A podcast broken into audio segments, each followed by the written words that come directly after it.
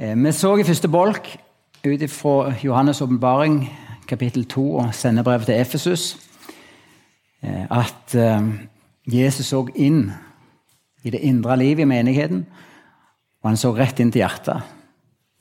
At de hadde gått vekk fra den første kjærligheten til han. Det er til å få åndelig hjerteproblem. Og det står i ordspråkene i Det gamle testament, kapittel 4, vers 23. Bevar ditt hjerte framfor alt du bevarer, for livet går ut fra det. Det er en sannhet for alt fysisk liv. En forutsetning for at jeg er her i kveld, at dere er i kveld, det er at vi har et hjerte som slår. Som pumper bokstavelig talt liv ut i kroppen vår. Gjennom hjertet så blir blodet med liv til hele kroppen og hver ei celle, med næring, med oksygen, pumpa ut av hele kroppen. Det er en sannhet for fysisk liv, men det er òg en sannhet for åndelig liv. Det nye livet, livet med Jesus, det er òg et liv som går ut ifra det nye hjertet vi har fått. Det er at Den hellige ånd tok bolig og starte, om du vil, et nytt kretsløp, et nytt liv som leves i oss og gjennom oss. Jeg vil fortelle bitte litt om farfar min. Han eh, døde tidlig i 1997. Jeg var veldig glad i farfar min. Han het Lars og var bonde. Eh, og han hadde noen enorme arbeidshender. Når han bygde den eldste delen av Løa hjemme på Salte, der jeg vokste opp, da var det ikke gravemaskin, men da var det spade og håndamakt de spadde ut Hevdaløa. Altså, det var henne som hadde arbeidet mye. Jeg syns at farfar var en sterk og solid gammel mann. Løy med det. Jeg har alltid syntes han var gammel, selv om han gjerne ikke var så mye eldre enn meg når jeg først traff han. Men farfar var alltid gammel. Når farfar var noen og 60, så fikk han, hvis jeg husker rett, hjerteinfarkt. Og han måtte begynne å gå på hjertemedisin. Og Det gjorde han i ca. ti år. Men de medisinene farfar gikk på, hadde en bivirkning. For de inneholdt nitroglyserin for å skape små eksplosjoner inni hjertet for at det skulle pumpe halve hjerterytmen.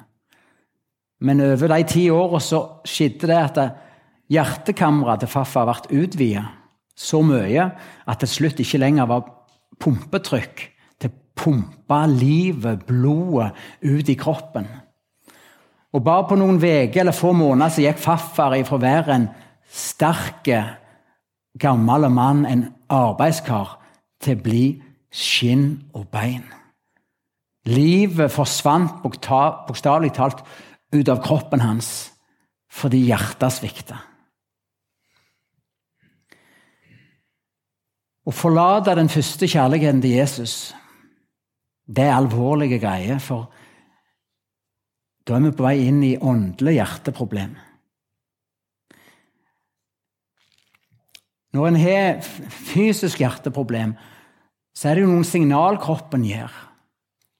Noen merker det på at de blir så kortpusta at selv det det går opp den lille bakken til postkassen eller til hundshuset eller til butikken Det er sånn at Du må bare hive etter pusten bare for, for en liten bakke som en før kunne gå med letthet opp. For noen så er dette et av de første signalene på at jeg brygger på noe. For å trekke dette over i, i kristenlivet Kanskje hvis vi er i ferd med å få åndelig hjerteproblem, så er det sånn at det blir vanskeligere for oss å lovsynge og takke Gud av hjertet. At den takkesangen som alle kristne har i oss, den takken til Jesus, til lammet, til blodet, til Far i himmelen Det blir tyngre å synge den takken. For noen kan kanskje det være ei første varsellampe. At det er som takken ifra hjertet blir kvelt. Videre, når en har hjerteproblem, så begynner jo blodsirkulasjonen å svikte.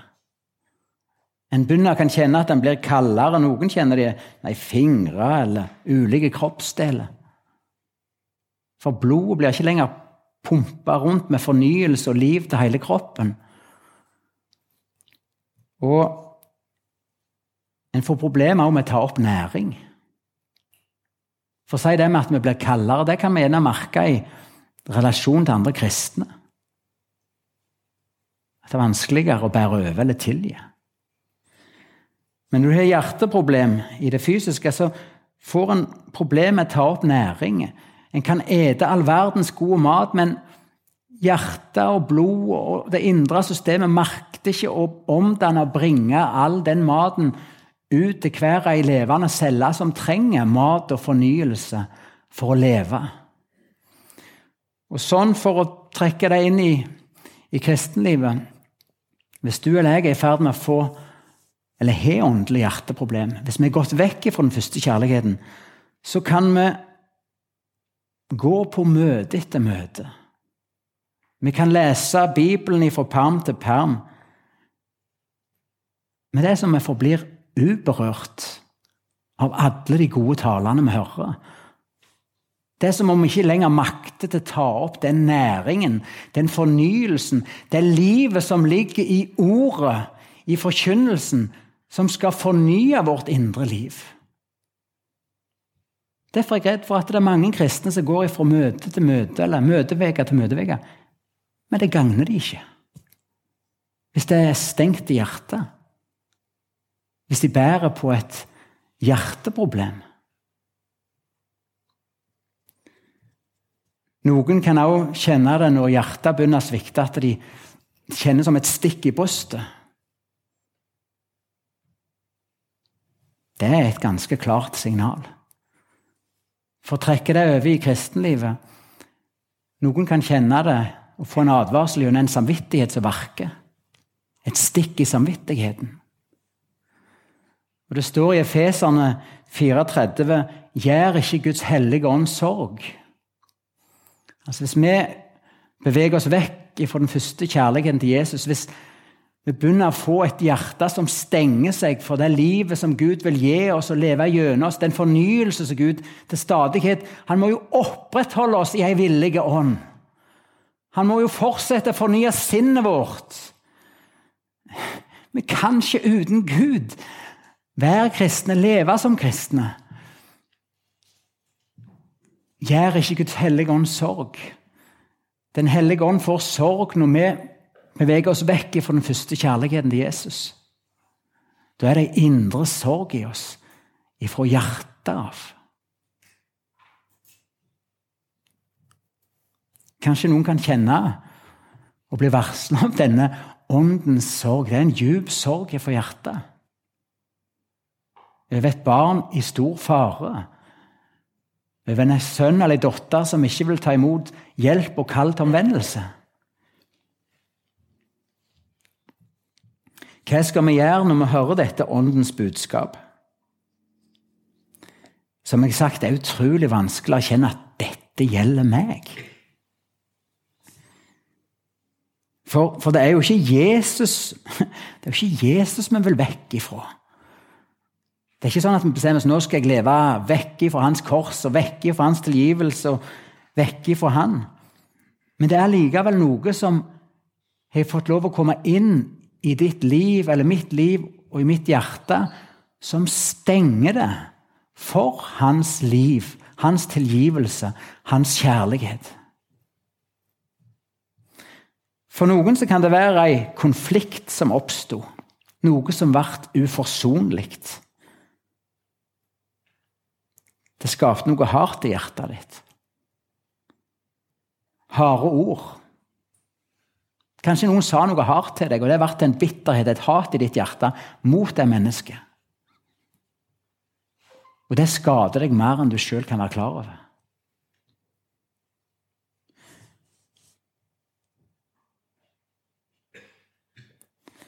For andre kan det være Jesus sier jo sjøl jag, jag etter alle ting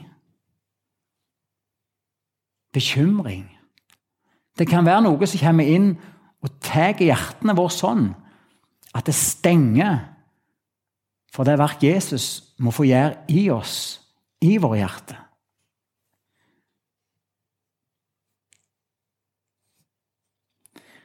Uoppgjort synd ja, Det meste kan jo samles i den kategorien. Den hellige ånd har kanskje kalt på deg tålmodig. Sølve, nå må du gjøre dette opp. Sølve, du må fram i lyset med dette. Altså Hvis vi velger å ha det døve øret til å tenke ja, ja, dette er så ubetydelig, så kan det være noe som får makt over hjertet. Som skaper et hjerteproblem. Det kan begynne så forsiktig, men det får blokka i hovedåra. Det, det, får makt over hjertene våre. Det kan til og med være teologisk uenighet som skaper en bitterhet. Og det kan til og med være at en ser ned på andre som har feil teologi. Og så begynner en å forakte andre kristne. Føler seg bedre. Så blir vi sånn som så fariseeren som står om i Lukas, som slo seg på brystet og takte Gud for at han ikke var som andre mennesker. Som synda, som brøt ekteskapet, som den stakkars tolleren der. Altså, Det å begynne å se på seg sjøl som bedre enn andre, det er en naturlig fare for oss alle. Jeg tenkte også når jeg kjørte utover her, at logos eller jeg kan ta det i setning først. Jeg tror at egenrettferdighet Det vi tror at alt er i orden med meg fordi liksom ytre sett aksofeserne, Livet ser bra ut, jeg tror på det rette, jeg er aktiv, jeg er med. Egenrettferdighet. Eller stolthet. Jeg er iallfall bedre enn de andre. Det er noe som rett, lett kan ramme hjertene til oss som har vokst opp i såkalt konservative kristne miljø, som aldri har vært ute på galeien at vi liksom Vi har jo ikke gjort de der syndene. Så tenkte jeg når jeg kjørte ut her i kveld, at ja, her på Logos så er det jo mange som har opplevd en fornyelse av sitt liv med Jesus. En frigjøring som kristen. At de har fått hjelp til å erkjenne avhengighet av pornografi. Og vet du hva? Jeg tror mange ikke har vært avhengige av pornografi. Du kjenner deg ikke igjen i det. Det er, liksom, det er ikke ditt liv, det er ikke vært din fristelse. Vet du hva? Bra. Nå er jeg ikke ironisk. Godt for deg. Du skal være glad for at du ikke er blitt fanga i det. For det er destruktivt. Det er enorme makt over det. Men kanskje for noen, og det var tanken min som fortsetter, kanskje for noen i dette logosmiljøet som ikke dette var aktuelt for, egentlig har sett litt ned på de som hadde vært bonde i dette. Kanskje kjent seg litt bedre. Jeg har iallfall ikke vært i sånt greie som det der. Og så kan det være noe som begynner å stenge og gjøre noe hardt, noe stolt, noen egenrettferdig i ditt hjerte. Så vet du hva, Vi må ikke forakte en eneste av disse minste til Jesus.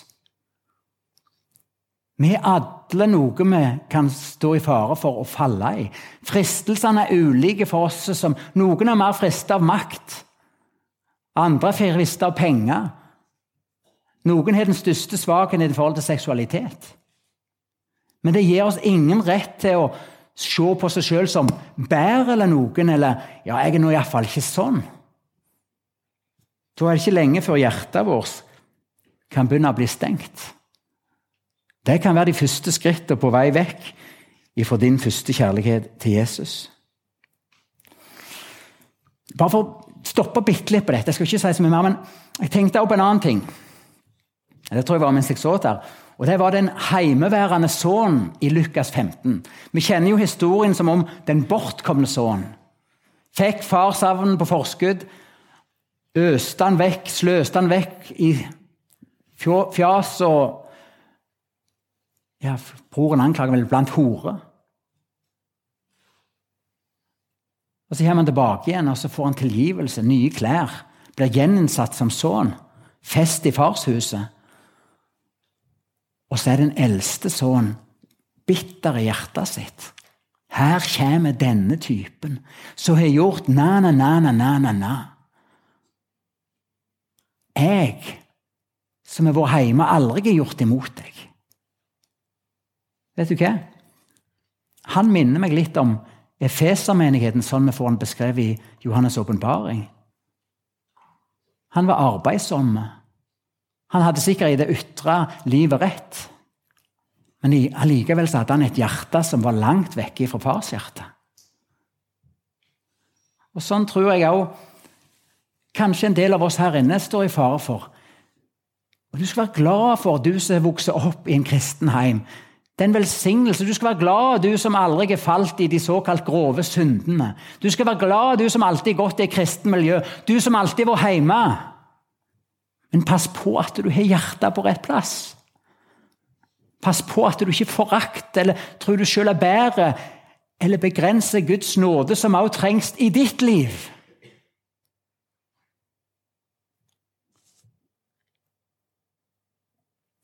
Jeg tror at når det gjelder dette med vårt hjerte overfor Gud, og om vi har forlatt vår første kjærlighet, at vi så lett kan lure oss sjøl.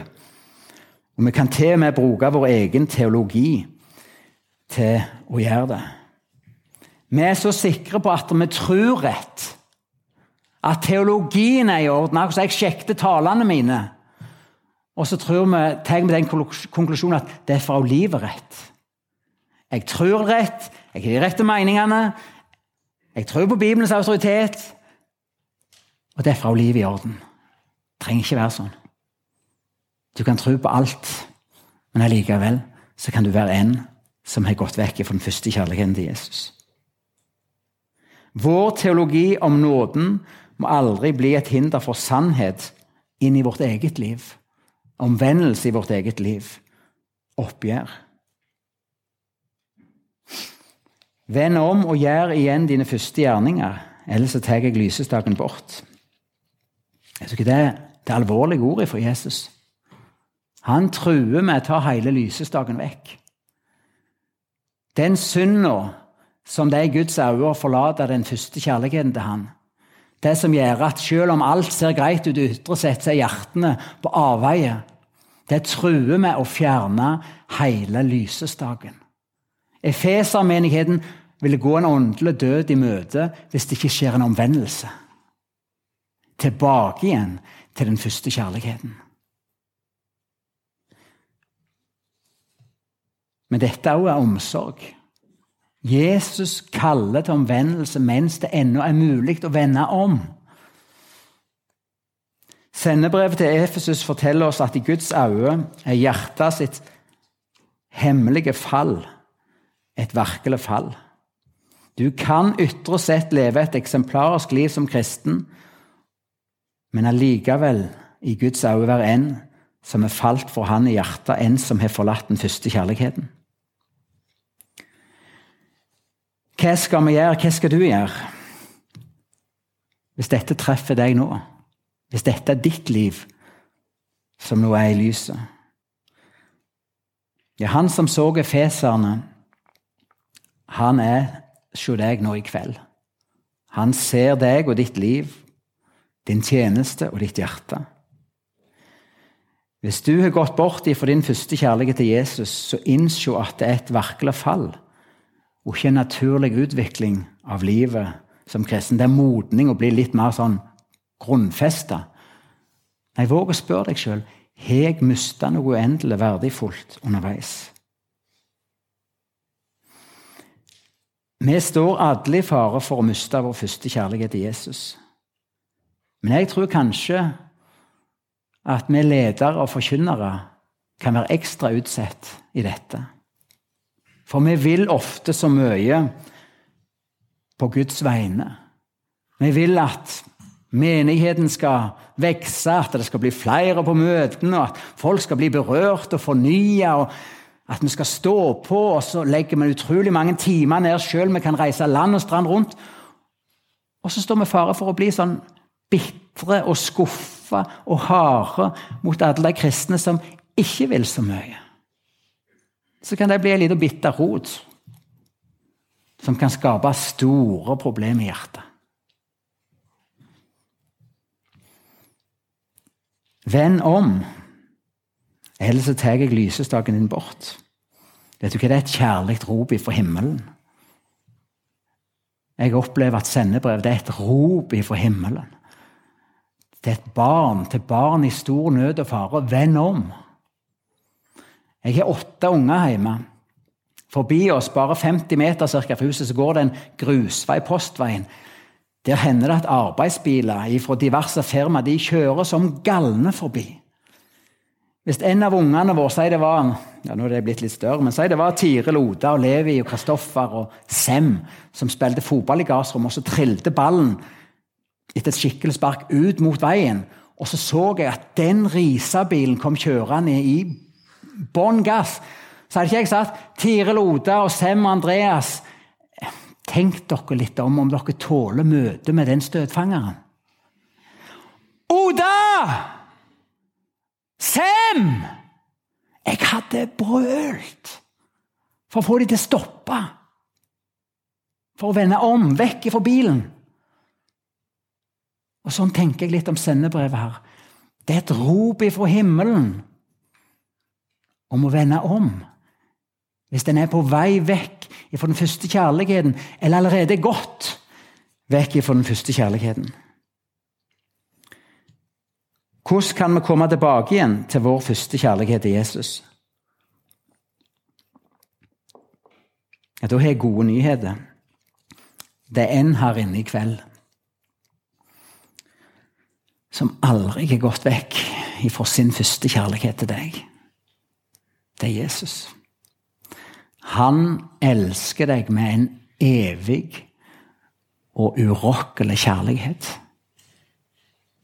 Det er en som aldri har gått vekk fra sin første kjærlighet til deg, og det er Jesus. Han er trufast. Og Bibelen sier at vi elsker fordi han elsker oss først. Du kan bare elskes tilbake igjen til din første kjærlighet til Jesus. Du kan bare bli tilgitt tilbake igjen til din første kjærlighet til Jesus. Men vi trenger å vende om, vi trenger å rope til Jesus. Vi trenger å snu oss mot han og si 'Herre, tilgi det mitt hjerte'. La meg få komme tilbake igjen. La meg få ha det sånn jeg en gang hadde det med deg.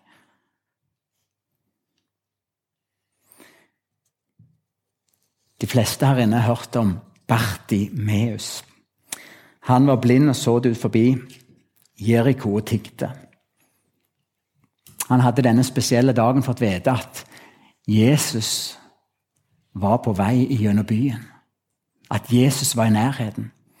Han kunne ikke se Jesus, men han ropte 'Jesus!' Altså, står det jo til med at folk kjefta litt på ham. Ikke rop sånn. Men han bare ropte Jeg har en sånn herlig sånn barnebok at han er helt rød i ansiktet. 'Jesus!' Og så hører Jesus det ropet. Og så sier han, 'Før han til meg'. Og så tar Jesus og rører med hans liv og gir han synet tilbake. Han helbreder. På korset døde Jesus for alle våre synder. Også for den synd det er til å gå bort ifra vår første kjærlighet til Han. Gjør som Bartimeus. Ro på Han. For vet du hva? Jesus er medfølelse med deg hvis du har det vondt i hjertet ditt nå. Hvis du er i ferd med eller har gått vekk fra din første kjærlighet til han, så har han så vondt av deg. For han vet at det er tungt å leve sånn som du lever. Han har medfølelse med deg, og han ønsker så inderlig å få hjelpe deg. Å få elske deg tilbake og få tilgi deg på ny få utøse sin kjærlighet i ditt hjerte. Sånn at du kan elske han tilbake med din første kjærlighet. Den som har øre, hør hva Anden sier til menighetene. Den som seirer, vil jeg la ete av livsens tre, som er i Guds paradis.